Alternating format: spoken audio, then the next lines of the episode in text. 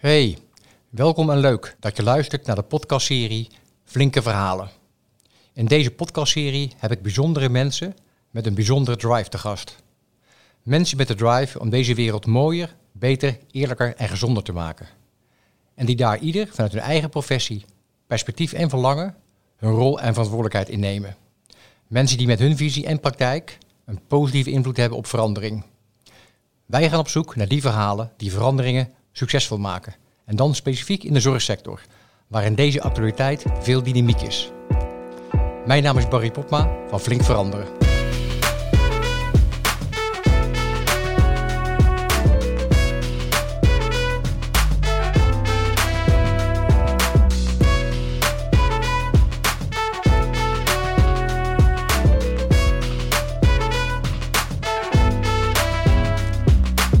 Hey tof dat je er bent. Hoi Barry. Maar laten we je even introduceren.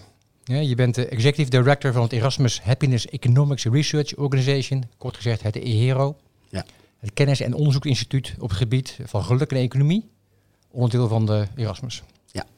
Daarnaast ben je programmadirecteur van, het, van de Executive Programs over Happiness Economics, Liefde en Conscious Business.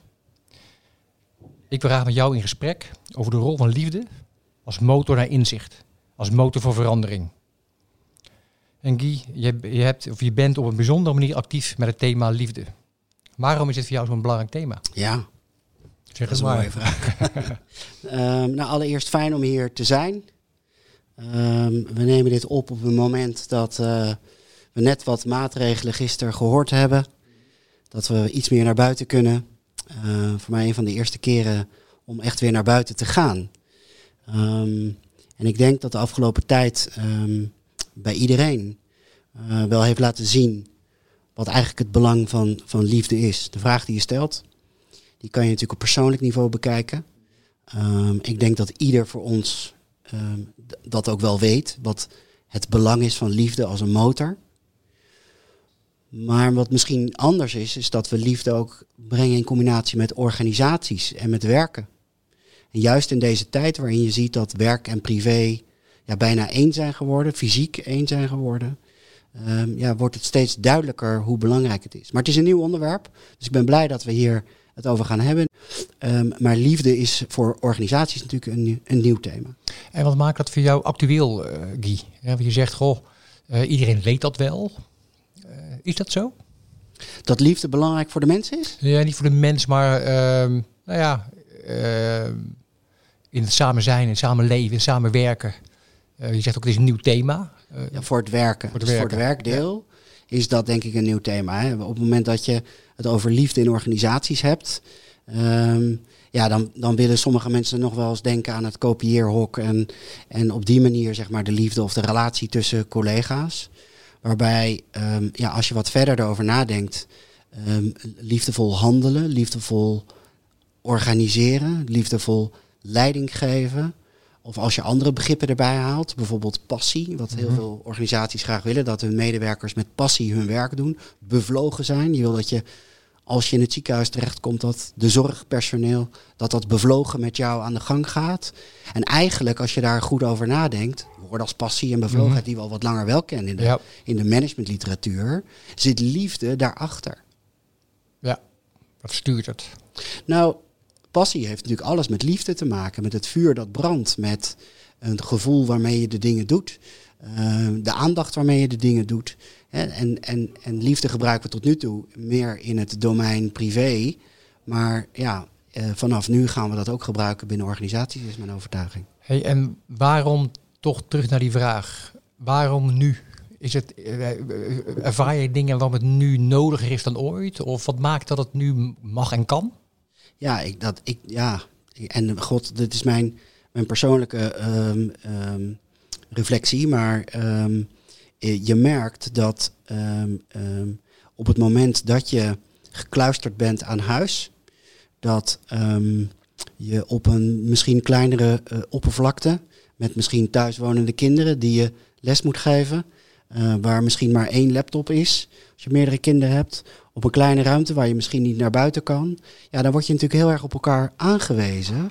En uh, wordt de liefde eigenlijk enorm getest. Mhm.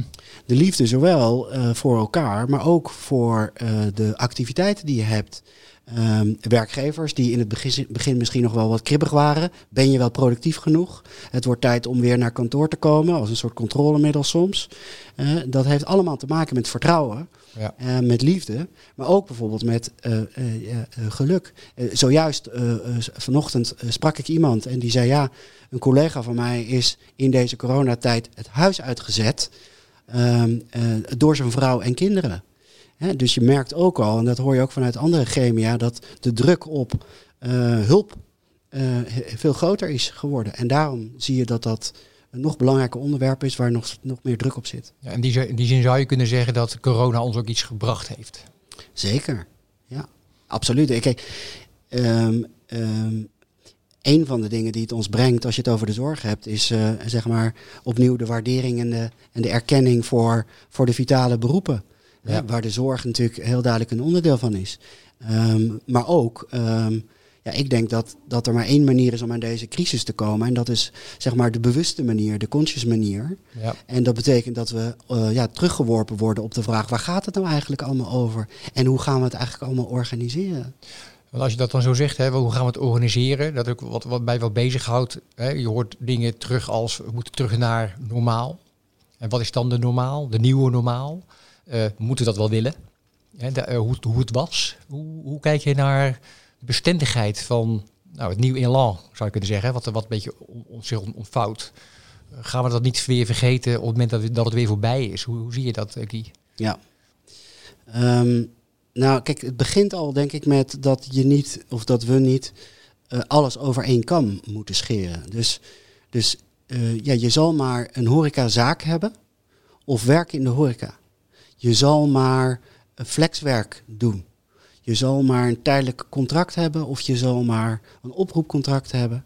Je zal maar in de evenementenbranche werken of in de vrije tijdsbesteding, de vakanties. Ja, dan is jouw werkelijkheid totaal anders dan op het moment dat je bij een supermarkt bijvoorbeeld uh, werkt. Met andere woorden, je zal veel specifieker moeten gaan uh, kijken naar uh, wat het voor wie eigenlijk betekent. Daar zul je onderscheid in moeten brengen. Maar we hebben vanuit EHERO aan het einde van maart, dus dat is een paar weken na de aankondiging, hebben wij een onderzoek gedaan onder duizend Nederlanders en gevraagd um, hoe het gesteld is nu met hun levensgeluk. En waar het gemiddelde in Nederland um, normaal gesproken 7,5 is, was dat op dat moment 6,3. En we zijn dat aan het herhalen en zien wel dat het nu weer terugveert. Je vraag is naar het nieuwe normaal. Ik weet niet of er een nieuw normaal is.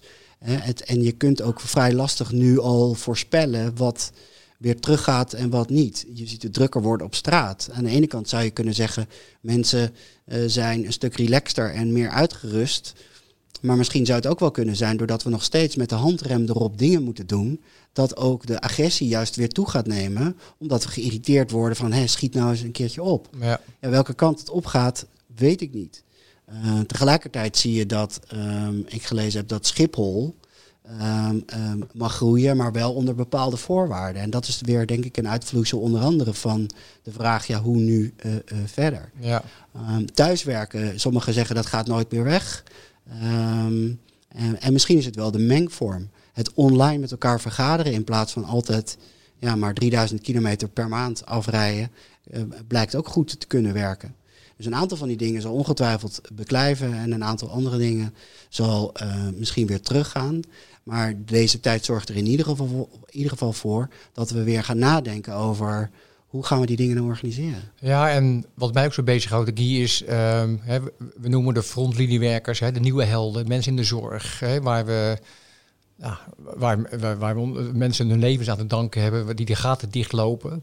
Um, we gaan ook gesprekken op van, goh, hè, uh, hebben we het wel goed georganiseerd? Niet per se in praktische zin, maar ook uh, hebben we het wel goed verdeeld? Hebben we wel goed gewaardeerd? Uh, zetten we de mensen wel op de, op de juiste plek met elkaar en waarderen wat voldoende? Um, ja, en voelen we dat alleen omdat het nu even ons uitkomt? Of, um, en hoe, hoe, hoe kan liefde, naar jouw idee, eh, daar ook een rol in, in spelen. In, nou ja, en de, nieuwe waardes, oude waardes. Hoe zie je dat? Nou, ik, ik denk, maar, maar voor een deel is dat misschien ook wel mijn hoop of mijn eh, geloof, dat, ehm, hè, dus wat ik graag wil, mijn wensgedachte, ehm, dat de waardering voor die vitale beroepen, zoals in de zorg en in het onderwijs, laten we dat ook niet vergeten, Mhm. maar ook de buschauffeurs en de tramconducteurs en de politieagenten op straat, de waardering daarvoor, het belang, hoe belangrijk ze zijn voor het functioneren van een maatschappij, ehm, daarvan denk ik dat dat wel zal blijven. Dat dat, ehm, eh, en dat voor een deel zullen, zu- zullen we dat misschien met elkaar, en moeten die beroepsgroepen dat zelf doen, eh, zorgen dat het top of mind blijft, zou je kunnen zeggen. Maar ehm, ja, iedereen zal zich nog wel kunnen herinneren en teruggrijpen naar die tijd, die bijzondere tijd. En Mhm. weet je nog dat en wat waren we toen blij dat. Dus op het moment dat er discussies komen over moeten we het overwerk uitbetalen van IC-verpleegkundigen, Bijvoorbeeld. bijvoorbeeld, Ja. dan, dan krijg je denk ik daar echt wel een andere eh, eh, connotatie en context voor. Kijk, iets anders is, en dat zal zich eh, hopelijk niet, maar ik vermoed van wel gaan voltrekken de komende tijd, is dat waar Kim Putters als voor, eh, directeur van het SCP al een paar keer op gehint heeft, dat de tweedeling in Nederland, dat die, eh, eh, die scheidslijn duidelijker gaat worden. En vrees ik dat deze crisis dat opnieuw gaat laten zien. En eigenlijk versterkt. En dat eigenlijk de mensen die ja, wel een spaarpotje hebben, of wel een beroep hebben waar ze, en voor is dat geluk, de branche hebben we al genoemd, maar dat ze daarop door kunnen, dat die het wel redden. Maar de mensen die dat niet hebben en geen spaarpotje hebben, ja, dat het voor hen een stuk eh, eh, lastiger gaat worden. En Ja, daar dan mee om? Kijk, zeg je daarmee ook, of is misschien dat mijn, mijn eigen vraag, hè, van hoe zorg je dan dat je eh, niet alleen een tegengeluid, misschien een versterkend geluid organiseert, naast het bedrijfseconomische stuk, naast, naast het geldstuk, naast het... eh, je zult met elkaar een andere dialoog dan ook ergens moeten voeren. Als ik bijvoorbeeld kijk naar, eh, nou ja, eh, waar ik zelf in werk, in de, in de, in de zorgsector, en ik verplaats me in de bestuurders, voor de gigantische opgaven hè, en de managers en de teamleiders en de mensen aan het bed. De, gigantische opgaven die ze hebben om ehm, ja, het, het met elkaar draaien te krijgen. En ook misschien wel een behoefte, een behoefte hebben. Hoe, hoe, hoe zou terug naar hè, jouw, jouw ding, liefde in de boardroom, liefde op de werkvloer. Hoe krijgen we dat ge- gesprek gevoerd? En nou, even belangrijk voor ehm, het gesprek. Kijk, vaak, en je ziet dat met duurzaamheid, en voor een deel zie je dat ook bij de mensthema's zoals liefde en geluk, wordt de contradictie ehm, ehm, gesteld tussen geld en de mens, of tussen geld en bijvoorbeeld duurzaamheid. Strijd om aandacht. Ja, en ik denk niet dat die er is. En dat zolang we blijven denken in die termen, dat we er niet gaan komen. Dus ik ben een eh, groot voorstander van het denken langs de, de, de, de driehoek. Ehm, het moet goed zijn voor de mensen. De mens is geen middel, geen human resource. Dus die naam moeten we ook proberen af te schaffen. Maar de mens is een doel op zichzelf. Dat is één. Twee is, het moet goed zijn voor de organisatie. Dus winst of geld is daar gewoon een thema in. Je hebt geld nodig als een middel Ja. om dingen te doen, om mensen te betalen, om te innoveren, om te kunnen overleven. Dat is onderdeel van een, van een duurzaam bedrijf, van een sustainable bedrijf. En drie is het moet goed zijn voor de maatschappij. Voor ons allemaal. Ook dat is nodig om op de lange termijn te kunnen overleven. En zeg je daarmee, Guy, dat die drie pijlers ehm, samen op moeten? Precies. Dus het kern van dat gedachtegoed is dat het een niet ten koste mag gaan van het ander. En er is niet een soort wiskundige formule waarin een optimum is. Het is ook niet gooi er een dubbeltje en komt er een kwartje uit. Het is niet Excel. Maar het gaat over langs diezelfde drie, het worden wel eens de drie bottom lines genoemd. Je moet dus niet langs één bottom line denken, alleen maar die van geld, maar langs drie bottom lines. En tegelijkertijd dus ook niet zeggen dat het alleen maar over mensen of de maatschappij of over duurzaamheid in de zin van de planeet gaat en niet over geld. Het is en en en niet of of. Ja, als ik jou zo hoor, ehm, en ik probeer dan het, het woord liefde weer terug te halen eh, in mijn gedachten. Ja, je zou kunnen zeggen, kijk, liefde gaat nooit uit van schaarste. Hè? Klopt. Hè? En ehm, als, het niet meer, als we willen dat het niet meer strijdt om aandacht, dan moet het schaarste denken eruit. Mhm. Dan moet je denken in, hè, met een mooi Engels woord, abundance en overvloed. Liefde is altijd in overvloed, kan, kan alleen maar groeien. Ja. Dat lijkt me nog wel een gesprek in de boardroom, eh, Guy. En toch merk je dat als je het serieus erover gaat hebben, ook met mensen die in de boardroom actief zijn, ehm, dat men daar echt voor open staat. Dat men snapt dat als je een florerend bedrijf, en florerend langs die drie dimensies, inclusief geld, ehm, dat men snapt dat, en je hoeft het voor mij ook geen liefde te noemen, hè, dus geef er een andere term aan, maar het gaat over... Noem er eens een. Uh, nou, sommigen noemen het dus bevlogenheid, of het moet floreren, of geluk. Er zijn natuurlijk verschillende termen die je daarvoor kan gebruiken. Dus kies vooral de term die bij je organisatie past en bij jezelf past. Maar de kerngedachte is wel eigenlijk vrij simpel. Op het moment dat je mensen hebt die lekker in hun vel zitten, noem het dan zo, die, die zijn actief, die zijn productief, die zijn bereid samen te werken. Mensen die niet onder druk gezet worden, want een kat in het nauw maakt rare sprongen. Dus ehm, dat helpt niet om betere resultaten, om vernieuwende gedachten te krijgen. Iedere eh, bestuurder weet wel dat op het moment dat je zorgt dat, dat je een team hebt dat, ehm, eh, dat je goed wil laten functioneren, dat je eigenlijk dus ook maximaal productief wil krijgen, dat je de omstandigheden moet creëren waarin ze eh, lekker in hun vel zitten. En wie of waar, wie stuurt of wat, waar start die beweging? Waar start het gesprek? Wie moet dat ownen? Wie moet daar energie aan geven? Is dat, is dat de bestuurder? Eh, Is dat de werkvloer? Moet daar, moet, moeten mensen zich daar gaan uitspreken? Of, eh, hoe, krijg je dat voor elkaar? Nou, kijk, het, het, het is natuurlijk wel belangrijk. De toon at de top is, is, is cruciaal. Eh, ik wil niet zeggen dat het per se moet beginnen in de boardroom. Maar duidelijk is natuurlijk wel op het moment dat het op een andere plek in een organisatie begint. En, en zodra men in de boardroom de lucht van krijgt en het wordt ja, een kopje kleiner gemaakt, dan denkt de organisatie de volgende keer wel drie keer na voordat ze. Maar dat geldt voor ieder thema. Dus Ja. eh, de, de toon, eh, dat er, het hoeft niet misschien geïnitieerd te worden, maar in ieder geval dat de ruimte en de gelegenheid. En ook, de, ga het niet zien als een soort van dit is de heilige graal en het antwoord. Maar ga vooral verkennen. Hoe zouden we er nou, kunnen we er wat mee en wat kunnen we dan mee en hoe kunnen we er wat mee? En soms is het drie stappen vooruit en twee stappen weer terug. Maar ik denk wel dat, dat het wel gaat helpen op het moment dat er bereidheid is voor dit soort thema's in, in de boardroom. Ja, En dan misschien nog één belangrijk ding, want heel vaak wordt ook de fout gemaakt dat men denkt dat ehm, dat, dat eh, liefde of lekker in je vel of bevlogenheid of dat soort termen geluk, dat dat zich beperkt tot werk. Mhm. Maar wij allen hebben eh, meer dan nou, vijf levensdomeinen.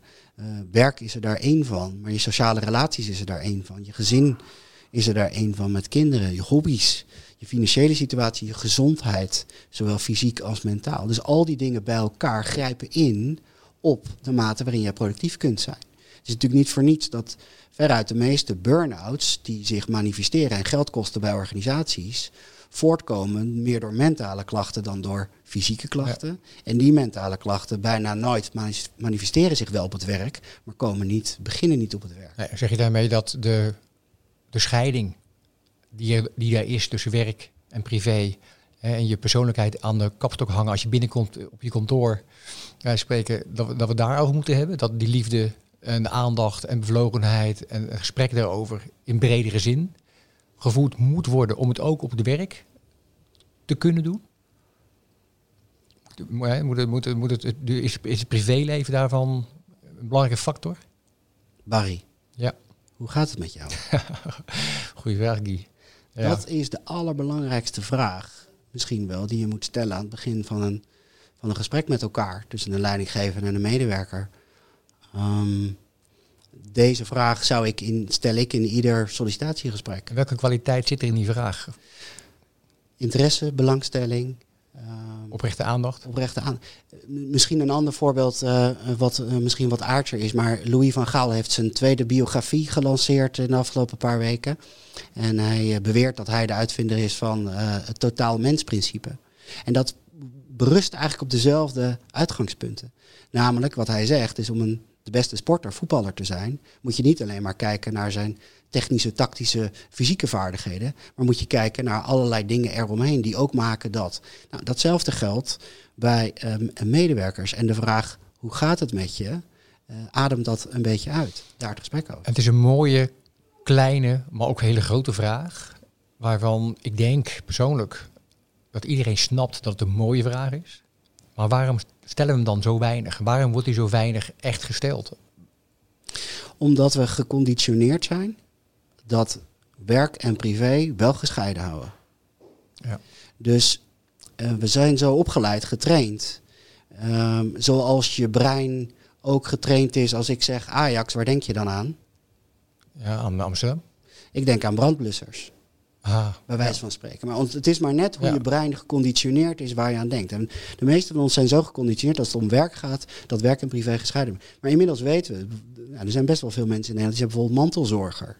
Nou, het oude denken is dat we zeggen, ja, maar ja, prima wel, maar tussen 9 en 5 ben je van mij en afijn dat. En, en, zo werkt het niet. Maar hoe doen we dat dan, Kietje? Want ehm, hè, dat als het gaat over verandering, een verandering van mindset, een, andere, eh, een ander perspectief kiezen, eh, eh, nou ja, die conditionering afschudden, eh, dat is makkelijker gezegd dan gedaan. Weet ik niet, want ehm, de grap is, iedere leidinggevende is zelf ook weer medewerker, want heeft zelf ook weer een baas. En ook daar zie je weer de conditionering, dat op de een of andere manier we als baas ons anders gedragen en denken en een ander vakje uit ons brein tappen dan als we zelf de medewerker zijn. Ja.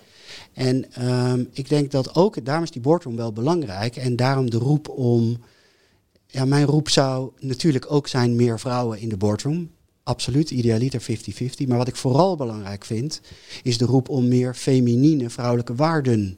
Ja, En ook weer niet als vervanging van de mannelijke waarden, want we hebben ze allebei nodig, zoals ieder mens ook beide heeft. Alleen één heeft er meer van het een en meer van het ander. Daar moet een mix tussen zijn. Maar de, de vrouwelijke waarde van empathie, van hoe gaat het met je? We zijn natuurlijk opgegroeid ook met het idee, vertrouwen is goed, controle is beter. ja. Dat moeten we omdraaien. Maar dan toch nog even, hè, want ik, ik snap hem. Maar hoe doen we het? Heb jij daar vanuit Hero, vanuit je eigen praktijk, misschien nog mooi, heb je een voorbeeld van, goh, daar zie ik het gebeuren? Of, hè, want we kunnen er eh, nou, het over hebben, over filosoferen, het nodig vinden. Maar ik denk dat misschien wel veel mensen ook behoefte hebben aan jongens, maar hoe dan? Eh, ik ga je antwoord geven, maar ik, vind, ik denk wel dat het, kijk, het is, begint echt wel bij die mindset dat je dat voelt, dat je dat overtuigd bent, dat je dat ook vindt. Want als je dat hebt, dan zal alles wat eruit volgt, ja, je handelen beïnvloeden. Dus eh, de why, how, what, die wel eens gebruikt wordt, begint wel bij de why. Dus we kunnen naar de what, maar het begint wel bij de why. Maar bijvoorbeeld, nu in deze coronatijd. Ehm, als je leidinggevende bent, Ehm, verhoog je dan de druk op de medewerker omdat je die niet direct meer ziet? Dat je bang bent dat hij niet voldoende uren maakt? Of verlaag je de druk omdat je weet dat hij thuiswonende kinderen heeft, eh, waarvan één meisje van acht is die het moeilijk vindt op school, want dat weet je als het goed is. En dus erken je dat die persoon ook halve dagen als leraar. Zeg je dan, ja, ik snap ik, maar dat is jouw probleem. Een halve dag dat. Dat betekent dat je dan maar vanaf de middag tot de avond die acht uur gaat maken. Dus verhoog je de druk of verlaag je de druk? Ehm, baanzekerheid. Heel veel mensen in, eh, raken in een soort paniek. Ehm, straks de discussie als, als bedrijven zeggen, nou kom maar weer. Dan zullen er ongetwijfeld mensen zijn die zeggen, ja maar ik wil niet, ik durf niet. Erken je dan dat dat angst is en niet onwil? Of ga je de druk verhogen en zeggen, ja maar je moet, want in je contract staat dat. Dus de, de manier waarop je de dingen doet, de beslissingen die je neemt, die zijn daarin wel heel belangrijk. En één ding, Barry, laten we alsjeblieft leren. Als je vertrouwen geeft, maar ook echt geeft, krijg je vertrouwen terug. Ja. De meeste mensen deugen, dat bo- mooie boek, Mhm. ehm, eh, toont dat ook aan. Hè, maar dan moet je wel echt vertrouwen geven. Dus als je zegt, we doen onbeperkt vakantiedagen, ja, vraag dan niet of mensen ook alsnog ehm, dat, dat bijhouden, omdat je dan vervolgens weer een controlemiddel hebt. Wat ik ook beluister als je zo hoor is, ehm, ja, het moet echt zijn. Kies ervoor. Eh die why moet bij jezelf vandaan komen. Eh, en, en oefen daarmee. Hè. En, ehm, en geef dat vertrouwen. Nou, dat gaat over, nou, over verandering, over ontwikkeling, over zelfinzicht, eh, over het voelen van gezamenlijke pijn wellicht. Hè, en daar ver- verantwoordelijkheid voor elkaar nemen. Ehm, kijk, ik ga zo vragen wat ik, wat, wat ik denk dat jij of wat jij zou kunnen hopen. Of, hè, ehm, maar wat ik hoop is dat het, dat, dat het blijft en dat, dat dat soort gevoelens niet alleen nu zijn omdat we er samen in zitten. En dan op het moment dat het overwaait, weer overgaan tot orde van de dag. Dus hoe, hoe hou je dat vast? Hoe, eh, Nou, ken je de kracht van het nu, ja, Eckhart Tolle? Eckhart Tolle. Ja. Dus eh, jij en ik gaan dit niet oplossen door nu eindeloos te gaan soebatten of oe- oeveren over hoe we dat gaan vasthouden. Ik denk dat, dat we vooral het moeten doen. Mhm. Het moeten blijven propageren. En, ehm, en dat dat de beste eh, kans heeft om, om te slagen. Eh, kijk, nog, nogmaals, er zit geen intrinsieke ongelijkheid namelijk in. Het is een feit dat eh, bedrijven goed eh, ehm, presteren op het moment dat hun mensen eh, eh, goed presteren. En hoe presteren hun mensen goed? Als ze de omstandigheden hebben en de, dat, dat ze kunnen presteren. En, en, en, en vroeger dachten we misschien, hè, en toen hadden we ook zelfs die fysieke verandering dat je naar je werk ging. En dan zette je, deed je je werkpak aan en je kwam thuis en het eerste wat je Mhm. deed was je werkpak uit. Nu is dat veel meer geïntegreerd. Dus we, we weten nu gewoon, dat weten ook ehm, managers, dat de invloed van je thuissituatie gewoon impact heeft op hoe je op het. Dus het is niet voor niets dat er nu bedrijven zijn die zeggen: het hoeft niet, maar als je wil, ehm, zoek een coach uit en wij zullen de kosten daarvan vergoeden. Ja. Ehm, en dat is win-win-win. Dus we Ja. moeten veel meer gaan denken in win-win-win. Dus het is niet alleen maar. Het is helemaal niet flower power. Nee. Het is in die zin heel aards, maar wel vanuit een, een gezond mensprincipe. En jouw overtuiging is dan, Guy, terug naar jouw drie pijlers die je noemde? Eh, voor, de, voor Ja. de mens en daarmee medewerkers, alle mensen en alle Ja. medewerkers, de hele organisatie en ook de hele maatschappij. Ja. En je geeft aan, goh, vanuit, als liefde reg- regeert, zou je kunnen zeggen, dan kan dat ook alle drie eh, samen zijn. Ja. Welke oproep zou je willen doen aan de leiders van nu? Ja, dat, dat, ieder antwoord wat ik daarop ga geven gaat aanmatigend klinken. Maar, want ja, kijk, kijk ik denk dat, en hoeven die oproep hoef ik niet te doen. Maar dat ehm, ehm, met alle dingen die er nu gebeuren in de maatschappij. eh, Stephen Covey heeft al met het ehm, meest verkochte, best gelezen managementboek van de vorige eeuw. The Seven Habits of Highly Effective People het begrip wederzijdse afhankelijkheid geïntroduceerd. Nou, als iets eh, van deze tijd duidelijk wordt, is het die wederzijdse afhankelijkheid. Er is nog nooit, denk ik, geweest dat we in een wereld waren, niet alleen in Nederland, maar in een wereld dat allemaal dezelfde vijand heeft, in dit geval COVID. Kun je dat voor de, voor de luisteraars eens toelichten, wat die wederzijdse afhankelijkheid in deze context zou kunnen inhouden? Nou, op het moment dat ehm, ehm, of je nou eh, putjeschepper bent of eh, directeur van een bank, op het moment dat jij met COVID en het pakt verkeerd uit, kom je in hetzelfde ziekenhuis terecht en moet je door dezelfde chirurg worden geopereerd, waar wel of niet een IC-bed voor je is, enzovoorts. En eh, ehm, dus, dus, dus eigenlijk de, de, het idee, maar dat is al zo oud, maar alleen nu zien we dat alles met elkaar verbonden is. Ehm, je kan het zien als een, als een eh, potlood onder een trui. Ehm, en of jij dat nou bent of dat het iets anders is, maar als het potlood omhoog gaat, gaat de trui omhoog, maar de omgeving in de trui gaat ook als het ware een beetje omhoog. Alles is met elkaar eh, eh, verbonden en daar komen we nu heel, heel duidelijk achter. Dus op het moment dat mensen in Italië een probleem hebben, doordat de wereld zo verbonden is, binnen twee weken hebben we het probleem ook in Nederland. En dus kunnen we ook, de slogan is daarom niet voor niets, alleen maar samen komen we eruit. Met andere woorden, ik snap natuurlijk ook heel goed dat jongeren denken, ja maar ik zit niet in mijn omgeving, ik word er niet ziek van, de groeten met je. Het is natuurlijk een enorm, we zien ook onder die getallen dat vooral de jongeren hebben het moeilijk en de ouderen, de middengroep, die kan zich het best adapteren. Het gaat Ja. over. Nou, dus, dus alleen die jongeren uiteindelijk zijn ook weer afhankelijk van hoe de maatschappij functioneert. Dus die wederzijds afhankelijk, we, zijn, we moeten het echt met elkaar doen.